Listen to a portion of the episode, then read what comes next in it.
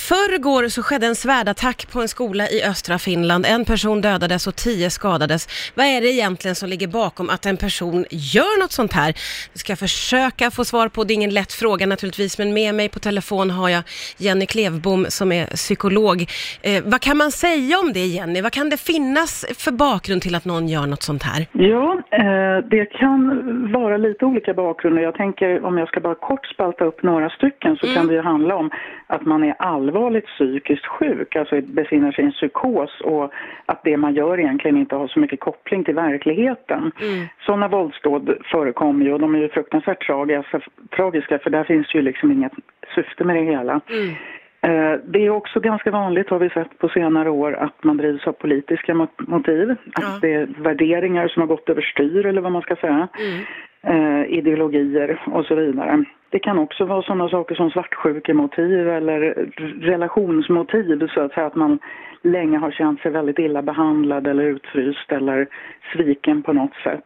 En gemensam nämnare, om man ska försöka hitta någon sån, Ja. för nu vet vi ju ingenting i det här fallet. Nej. Eh, Men vi vet en sak som det har skrivits om i tidningarna och det är att det var en enstöring, alltså en väldigt blyg och tillbakadragen person. Mm. Och det tror jag att många känner igen från andra liknande dåd. Att Ja. det är inte, det är inte liksom eh, partykillar och tjejer som går ut och gör såna här grejer utan det är enstöringar. Och det tror jag är en ganska viktig faktor oavsett det här som jag sa innan, oavsett om det handlar om psykisk ohälsa eller eh, politik så att Mm. säga, så är det ju så att att ha ett socialt nätverk, det är det främsta skyddet mot nästan allting negativt. Alltså psykisk ohälsa, eh, missbruk och så vidare.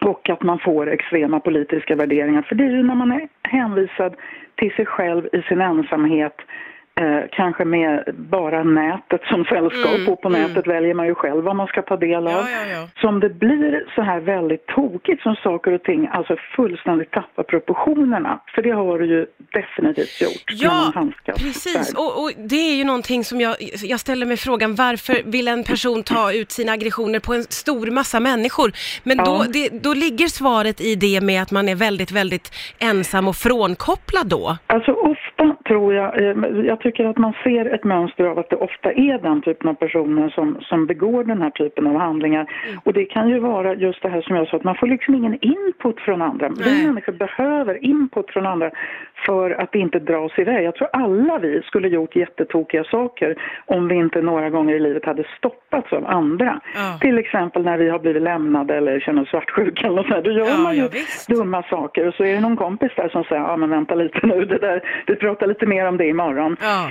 Ehm, Så det är en sak, men det är också en annan sak och det är att man mår inte bra när man är ensam. Mm. Vi är inte gjorda för att vara ensamma.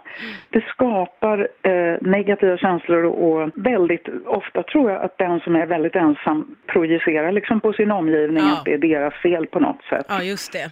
Och, och då kan det resultera i något så vansinnigt som det som skedde i Finland Ja. för några dagar sedan.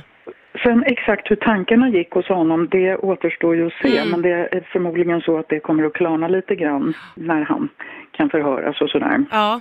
ja, men det är jätteintressant. Du har gett oss en liten inblick i vad som kan eh, ligga bakom att en person gör något sånt här. Tusen, tusen tack Jenny Klevbom, psykolog, för att du var med här på Rix FM. Tack snälla. Tack!